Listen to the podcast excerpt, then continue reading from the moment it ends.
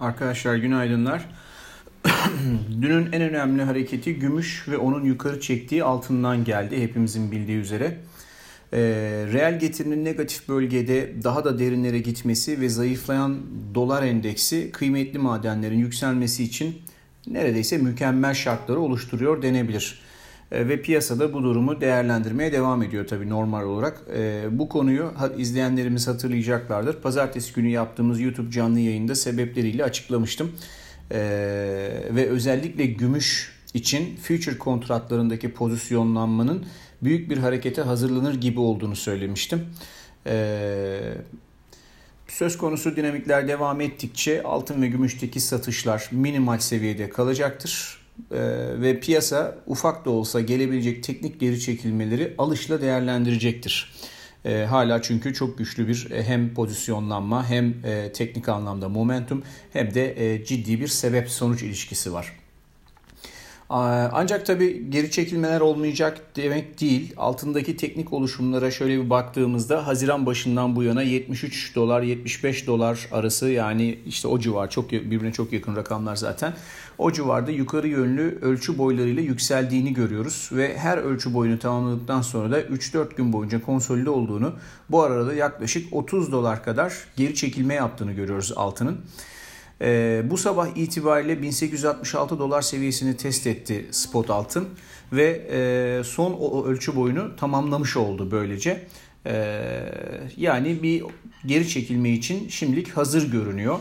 E, dolayısıyla eğer bu seviyeleri e, test ettikten sonra 1866'yı test ettikten sonra geri çekilme olursa şöyle bir 1840-1830 aralığına kadar gelme ihtimali yüksek gözüküyor.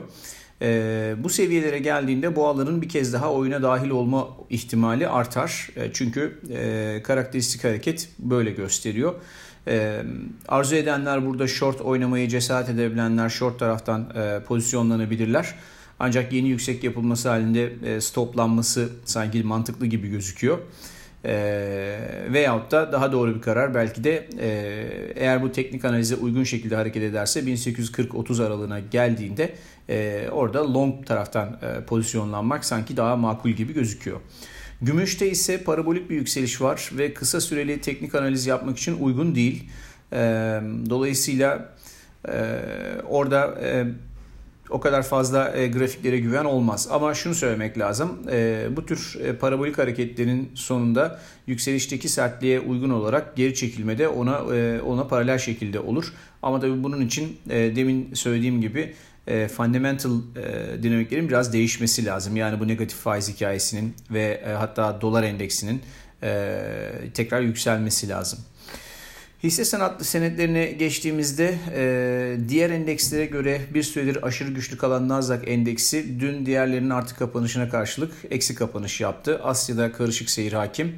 Amerikan vadelileri ise yatay seyrediyor. Önceki günkü sert yükselişte sadece bir günde neredeyse Boeing'in piyasa değeri kadar değer artışı yaşayan Amazon hissesi de dün %2'ye yakın aşağıda kapandı. Ayrıca dünkü satışta e, Fang Plus hisselerinden sadece Çin menşe, menşeli Alibaba ve Baidu günü artıda kapatmayı başardı. Bu oldukça ilginç tabi. E, burada endekslerde bir satış ihtimaline dair inancımızı e, hala koruyoruz ama short taraftan pozisyonlanmak için daha fazla sebebin görünür hale gelmesi gerektiğini e, düşünüyoruz. E, bugünkü sabah notlarında S&P 500 endeksi için yaptığımız fiyat döngüsü çalışmasını e, göreceksiniz. E, bu grafiğe göre içinde bulunduğumuz hafta oldukça kritik bir hafta. Çünkü en küçük döngü olan 639 günlük döngünün e, dip yaptığı bir hafta burası. Yani sonlandığı bir hafta burası. Dolayısıyla bu tür döngülerin sonlanması ve yeni döngünün başladığı zamanlarda e, ilgili varlığın ki burada S&P 500 üzerinde yapılmış bir çalışma bu. S&P 500'ün e, önemli bir dip ya da tepe yapmış olması beklenir. E şimdi biz yukarıda olduğumuza göre muhtemelen bu analize göre bu bölgelerde bu zaman dilimlerinde önemli bir e, tepe yapılmış gibi e, düşünmek lazım. Ama bunun da bir aması var. Henüz bu konuda fiyat anlamında hiçbir gelişme yok. Piyasa yukarı doğru momentumla devam ediyor gibi gözüküyor. Yine dikkatimizi çeken başka bir durum ise put call rasyosunun bir kez daha aşırı düşük seviyelere gelmiş olması. Ee, daha önce bu durum gerçekleştiğinde zamanların çoğunda endekslerde teknik düzeltmeler olmuştu. Ee, bu sefer de belki olabilir ama dediğimiz gibi henüz buna işaret eden bir fiyat gelişimi veya bir haber gelişimi yok. Ee, benzer şekilde VIX bazlı oransal göstergeleri takip ettiğimizi hatırlayacaksınız. Bu e, oransal göstergelerin bu göstergelere baktığımızda bunların da hiçbirisinde henüz satışa yönelik bir durum yok. Yani VIX'te satış ile ilgili bir fiyatlama söz konusu değil.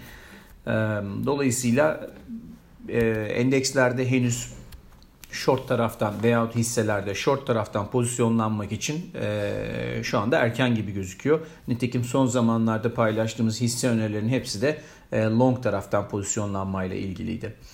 Şimdi bugünün bilançolarına şöyle baktığımızda önemli bilançolar arasında Tesla, Microsoft ve Biogen bulunuyor. E, kısaca bir spoiler vermek gerekirse Tesla'nın Çin'deki satışlarının son derece yüksek olduğu haberleri geçtiğimiz haftalarda piyasaya düşmüştü ve bunlar da ve bu hareket bu haberde piyasada değerlendirilmişti hisseye alım getirmişti hatırlayacaksınız bundan bahsetmiştik o sırada.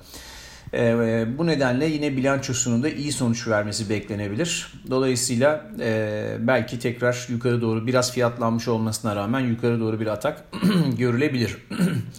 Ama grafiğini düşündüğümüzde e, burs seviyelerden Tesla'ya yeni giriş yapmak çok sanki akıl kâr gibi gözükmüyor.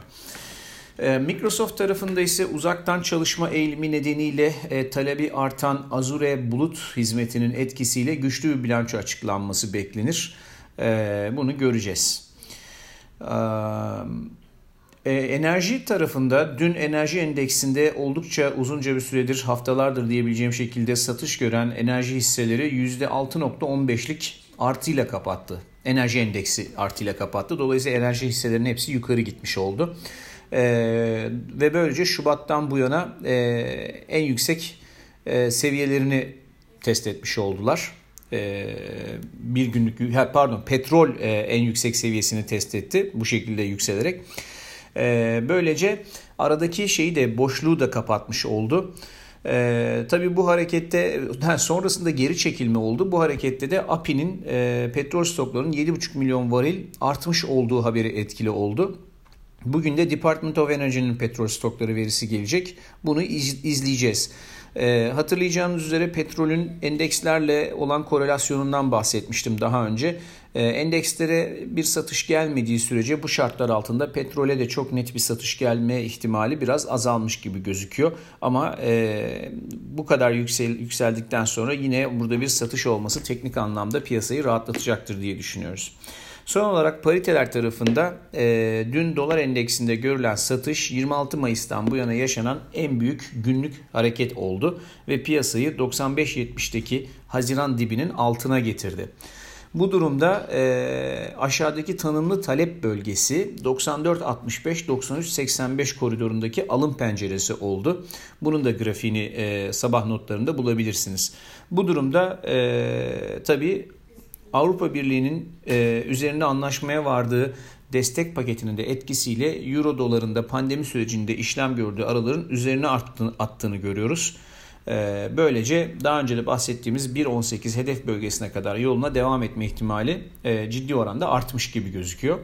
Sterlin ise henüz 200 günlük hareketli ortalamasının sadece üzerine atabilmiş durumda ama son zamanların yeni yükseği gelmedi. Ama dolar endeksinde dediğimiz gibi 93.85'teki e, işte 94'teki diyelim e, alış penceresine doğru kayarsa dolar endeksi sterlinde de işte 28-15'in üzerine atacak gibi görünüyor. Bu durumun gerçekleşmesi halinde sterlinde nihai hedef yani bu formasyon için nihai hedef 1.32-1.34 aralığı olacak gibi gözüküyor. Bugünlük de bu kadar. Herkese iyi seanslar.